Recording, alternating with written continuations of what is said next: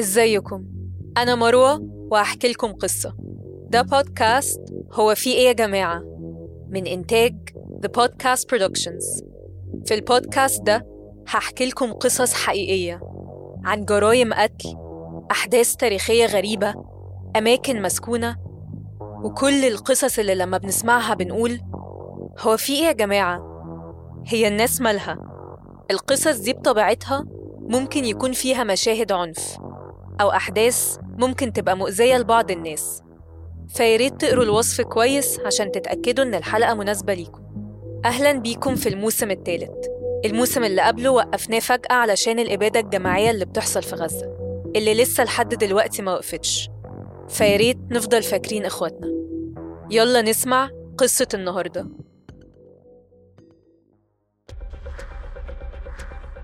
جريمة تعذيب سيلفيا ليكنز.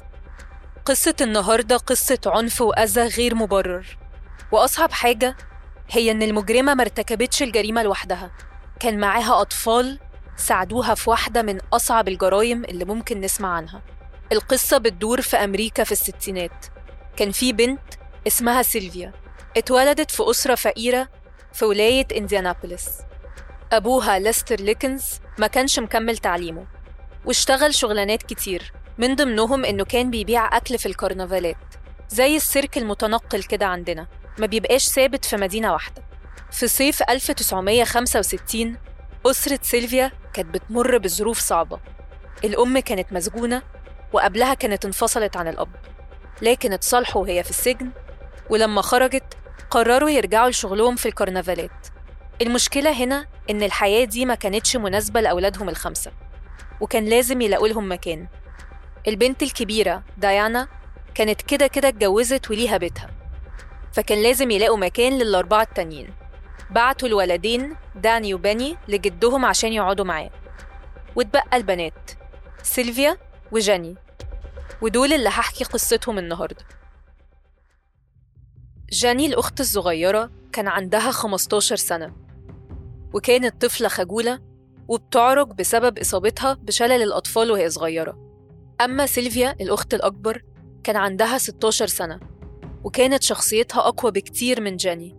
كمان كانت جميلة بس دايما بتخبي سنانها لما بتضحك عشان عندها سنة مكسورة. سيلفيا وجاني اتعرفوا على بنت اسمها بولا من خلال صديقة مشتركة. بولا مامتها كان اسمها جيرترود بانتشافسكي لكن كانت بتعرف نفسها على إنها جيرترود رايت. وهقول لكم ليه كمان شوية. المهم إن بشكل ما لاستر أبو سيلفيا وجاني اتفق مع جيرترود أم بولا إنها هتاخد بالها من الأختين مقابل 20 دولار في الأسبوع.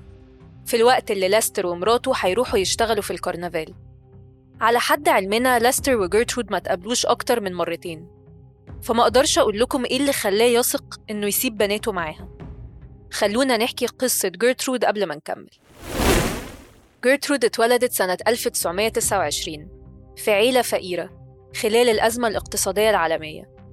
أبوها مات بسكتة قلبية وهي عندها 11 سنة واضطرت تسيب المدرسة وهي 16 سنة عشان تتجوز جون بانتشافسكي اللي كان عنده 18 سنة وقتها وخلفت منه أربع أطفال. جوزها جون اللي كان ضابط شرطة كان بيضربها كتير على أي كبيرة وصغيرة لكن كملوا سوا عشر سنين. لحد ما قررت تتطلق وخدت العيال معاها. بعد أقل من سنة من طلاقهم قررت جيرترود إنها تتجوز تاني واتجوزت راجل اسمه أدوارد. بس ما استحملش عيالها وطلقها بعد ثلاث شهور بس. بعدها رجعت لجون جوزها الأولاني وعاشوا سوا سبع سنين وخلفوا طفلين كمان. لكن اتطلقوا تاني وبشكل نهائي في سنة 1963 بعد الطلاق دخلت جيرترود في علاقة مع واحد اسمه دينيس رايت اللي كان عنده 23 سنة وعاشوا مع بعض لكن هو كمان كان بيضربها. حملت منه مرتين بس سقطت في حمل منهم غالبا بسبب ضربه ليها وخلفت منه طفل واحد. يعني في المجمل جيرترود خلفت سبع أطفال. دينيس رايت ساب جيرترود واختفى من حياتها. لكن عشان كان بيساعدها ماديا خلال فترة ارتباطهم واجهت جيرترود مشاكل مادية كبيرة بعد ما سابوا بعض. في الوقت ده كانت بتاخد فلوس قليلة كمساعدة من طليقها بس ما كانوش كفاية. فاضطرت تشتغل في الغسيل والتنظيف واشتغلت كمان كمربية. جيرترود كانت بتقدم نفسها للناس على إنها جيرترود رايت على اسم دانيس رايت مع إنهم ما كانوش متجوزين. ولما حد كان بيسألها عليه كانت بتقول إنه في ألمانيا بيخدم في الجيش. في الفترة دي صحة جيرترود اتدهورت. ما كانتش مهتمة بنظافتها وكانت بتاكل قليل وبتشرب سجاير كتير. وشعرها ابتدى يقع وعينيها تدخل لجوه وجسمها بقى نحيف جدا. هنزل لكم صور ليها على جروب هو في إيه يا جماعة؟ على فيسبوك. نرجع لقصتنا. في سنة 1965 سيلفيا وجاني راحوا يعيشوا مع جيرترود وولادها السبعة في مقابل إن جيرترود يتبعت لها 20 دولار في الأسبوع. في الأول الموضوع كان ماشي بسلاسة لحد ما ابتدى يبقى فيه مشاحنات بين سيلفيا وبولا البنت الأكبر لجيرترود. ما كانتش خناقات كبيرة بس ما كانوش متفقين مع بعض خالص. في يوم حوالة الفلوس ما وصلتش لجيرترود من أبو سيلفيا وجاني. جيرترود جابت البنتين وضربتهم بالقلم وقالت لهم أنا خدت بالي منكم لمدة أسبوع ببلاش. ومع إن الحوالة وصلت تاني يوم لكن في حاجة اتغيرت وما رجعتش تاني وابتدت سلسلة الجرايم. جيرترود زي ما حكيت جسمها كان ضعيف بس كان في سلاحين بتستخدمهم للعقاب الجسدي مضرب وحزام جلد كان سايبه جوزها الأولاني جون. وبدأت جيرترود تضرب سيلفيا وجاني لأسباب مختلفة. مرة الأختين جمعوا أزايز من الزبالة وباعوهم بهدف إعادة التدوير. وبالفلوس دي جابوا حلويات. لما جيرترود شافتهم اتهمتهم بالسرقة. ولما سيلفيا حاولت تشرح لها جيرترود زعقت لها وضربتها. العنف بشكل أساسي كان موجه ناحية سيلفيا أكتر من جاني. ليه ده حصل؟ وإيه سبب الكره والأذى اللي طلعوا من جيرترود ناحية سيلفيا؟ محدش عارف. استمر موضوع الضرب والتعذيب الجسدي والنفسي برغم إن الفلوس كانت بتوصل لجيرترود في مرة اتضايقت من سيلفيا علشان ما كلتش وهم في الكنيسة وغصبت عليها تاكل سندوتشات هوت دوج ولما سيلفيا كلتهم رجعت. ساعتها جيرترود أمرتها تاكل اللي رجعته. في الأول كان أهل سيلفيا وجاني بيزوروهم أو بيتواصلوا معاهم. بس البنات كانوا خايفين يحكوا أي حاجة عن اللي بيحصل. سواء لأهلهم أو أي حد في مدرستهم. لما جيرترود كانت بتتعب بسبب أزمة ربو ما كانتش بتوقف. لا كانت بتطلب من بنتها بولا تضرب البنات. وهنا ابتدى الموضوع يوسع ويشارك فيه ناس تانية غير جيرترود. ما نعرفش إزاي بالظبط بس شوية بشوية ابتدى الأطفال في الحي يجوا على بيت جيرترود عشان يشاركوا في تعذيب سيلفيا. في الأول كانوا بيتفرجوا بس. بعدين ابتدوا هم كمان يشاركوا. طب إزاي محدش من الجيران عرف الموضوع وحاول يوقفه؟ برضه مفيش إجابة. الأطفال كانوا بيتناوبوا إنهم يتدربوا جودو على سيلفيا.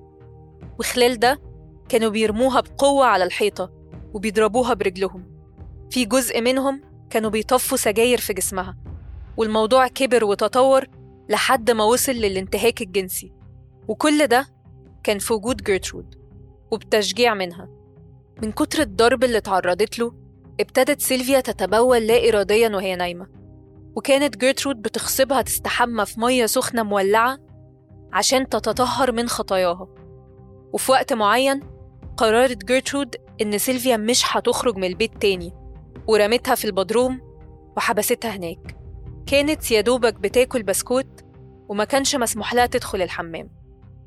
في يوم قالت جيرترود لأطفالها والأطفال التانيين اللي كانوا بيجوا إن سيلفيا عاهرة وأخدت إبرة وابتدت تحفر على بطن سيلفيا أنا عاهرة وأفتخر وفي النص طلبت من ولد اسمه ريتشارد هوبز يكمل نقش الجملة على بطن سيلفيا All I did was write out that thing on her stomach, then I hit her about 10 or 15 times. How come? Well, mostly because Gertie told me to. ده تسجيل صوتي من مقابلة حصلت بعد نهاية الأحداث. الصحفي فيها بيسأل هوبز عن اللي حصل. هوبز بيقول كل اللي عملته إني كتبت على بطنها بعدين ضربتها حوالي 10 أو 15 مرة. ولما الصحفي سأله ليه قال له عشان جيرترود قالت لي أعمل كده. بعد موقف الإبرة جيرترود قالت لسيلفيا هتعملي إيه دلوقتي؟ بقيتي مشوهة؟ ومحدش هيتجوزك. وسيلفيا ردت مفيش حاجة أقدر أعملها. يومها جاني اتسحبت بالليل عشان تشوف أختها في البدروم. وسيلفيا قالت لها أنا حموت أنا حاسة بكده. لما جيرترود أدركت إن سيلفيا حالتها خطيرة بسبب العنف اللي تعرضت له أجبرتها تكتب رسالة تقول فيها إن عصابة ولاد ضربوها. كخطة تحمي بيها نفسها لو جرى لسيلفيا حاجة. وتقول إن مش هي السبب. الرسالة كانت بتقول إن سيلفيا راحت مع مجموعة شباب وقدمت لهم خدمات جنسية مقابل الفلوس وهم بعد كده ضربوها وحفروا على بطنها جملة أنا عاهرة وأفتخر. والرسالة كمان بتقول إنها كسيلفيا سببت ضرر كبير لجيرترود وإنها هتهرب. وكانت خطة جيرترود إنها تخلي حد من ولادها وجاني ياخدوا سيلفيا عند مقلب زبالة ويسيبوها تموت. سيلفيا سمعت الخطة دي. كان في لحظة قصيرة من الأمل حاولت تهرب فيها لكن جيرترود وحد من الولاد مسكوها وضربوها بعنف شديد ورموها تاني في البدروم. في لحظات كان ممكن مسار القصة يتغير. في الأول سيلفيا وجاني كانوا بيخرجوا من البيت وبيروحوا المدرسة وبيتواصلوا مع أهلهم بس خافوا يحكوا لحد أي حاجة من اللي بتحصل لهم. وما نقدرش نلومهم لأن جيرترود كانت بتهددهم إنها هتقتلهم لو قالوا أي حاجة. في كمان مصدر ممكن يكون حقيقي وممكن لأ. بيقول إنهم قابلوا أختهم الكبيرة المتجوزة وحكوا لها إنهم بيتضربوا. بس أختهم ما صدقتهمش. في كمان الأطفال والمراهقين اللي كانوا عارفين وبيشاركوا في الجريمة. لكن محدش فيهم اتكلم. ليه ما فيش أشخاص كبار اتدخلوا؟ في مصدر بيقول إن حد من الجيران سمع سيلفيا وهي بتصرخ مرة بس الصريخ وقف على طول. فتخيل إن الموضوع اتحل. في يوم 26 أكتوبر سنة 1965 ماتت سيلفيا بسبب مضاعفات حصلت لها من العنف اللي تعرضت له. حصل لها نزيف في المخ وكان جسمها ضعيف جدا بسبب سوء التغذية. وقتها جيرترود قالت لولادها يعروها من هدومها ويسيبوها في البدروم. وطلبت هي البوليس. لما البوليس وصل طلعت الرسالة اللي أجبرت سيلفيا تكتبها لما شكت إنها هتموت وقالت لهم إن البنت هربت. لكن حصلت حاجة غيرت المسار. جاني قالت لهم بصوت واطي خرجوني من هنا وهحكي لكم كل حاجة. وده اللي خلاهم يكتشفوا جثة سيلفيا والجريمة اللي حصلت. جيرترود أنكرت تماما معرفتها بالموضوع.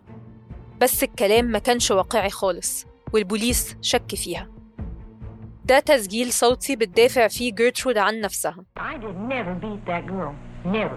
She was beat up on by other girls. In fact, my own daughter her in the jaw and broke her wrist. And uh, so, I mean, there you go. And, and, and girls around the neighborhood beat her up, bloodied her nose. I, one girl broke her nose, in fact, I think. في المقطع ده جيرترود بتقول إن عمرها ما ضربت سيلفيا وبتتهم بناتها إن هما اللي كانوا بيضربوها لدرجة إن واحدة من بناتها كسرت إيدها من شدة ما ضربتها وإن بنات الجيران كمان كانوا بيضربوها وواحدة منهم كسرت لها مناخيرها. في 19 مايو 1966 المحكمة أدانت جيرترود بتهمة القتل من الدرجة الأولى وأدانت باولا بنتها بتهمة القتل من الدرجة التانية. واتهمت هوبز وابن جيرترود جون ولد تاني من الجيران بتهمة القتل عن غير عمد. اتحكم على جيرترود وباولا بالسجن مدى الحياة. واتحكم على الولاد بالسجن من سنتين ل 21 سنة في الإصلاحية في إنديانابوليس في سنة 1971 اتعادت محاكمة جيرترود وباولا مرة تانية على أساس إن المحاكمة الأولى كانت هيئة المحلفين من نفس المنطقة. فممكن كانوا عارفين جيرترود أو اللي حصل وعندهم أحكام وآراء مسبقة. فاتعادت المحاكمة بهيئة محلفين جديدة عشان تكون عادلة أكتر. بس في يوم 5 أغسطس سنة 1971 اتهمت جيرترود مرة تانية بتهمة القتل من الدرجة الأولى. لكن باولا اعترفت بتهمة أقل وهي القتل عن غير عمد وقضت على أساسها حوالي سنتين في السجن. أما بالنسبة للأولاد الثلاثة فخرجوا سنة 1868 بعد حسن السير والسلوك. بعد ما قضوا حوالي سنتين بس من عقوبتهم. في شهر ديسمبر سنة 1985 تم إطلاق سراح جيرترود بعد ما أخدت العفو يعني بعد أقل من 20 سنة من عقوبتها. لما خرجت غيرت اسمها وبقى اسمها نادين فان فوسان ونقلت لولاية آيوا وعاشت من غير ما تلفت النظر لنفسها لحد ما ماتت سنة 1990 بسرطان الرئة. أما بولا فاتجوزت وكملت حياتها في آيوا ويقال إنها في فترة اشتغلت في مدرسة. قبل ما حد يكتشف تاريخها فاترفدت. أما هوبز فمات وهو عنده 21 سنة بالسرطان برضه بعد ما خرج من الإصلاحية بأربع سنين. وبالنسبة لجاني ليكنز الأخت اللي عاشت ونجت من المأساة دي فماتت سنة 2004 وقتها كان عندها 54 سنة. دي كانت قصة جريمة بشعة. عذبت فيها أم بنت بريئة بدون أي سبب وأشركت كمان أطفال معاها في الجريمة. القصة دي اتعملت فيلم في 2007 اسمه An American Crime اللي بشكل كبير التزم بالأحداث الأساسية للجريمة.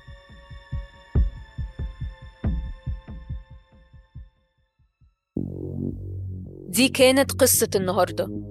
لو عجبتكم أو حسيتوا إنكم عاوزين تقولوا هو في إيه يا جماعة؟ يبقى ما تنسوش تعملوا like و subscribe و share. شكرا لسارة على ترشيحها لقصة النهاردة. لو عندكم قصص عاوزين ترشحوها ابعتوا لنا على جروب هو في إيه يا جماعة على فيسبوك. اللي بنشارك عليه الصور الحقيقية والمصادر للحلقات. واستنوا القصة الجاية.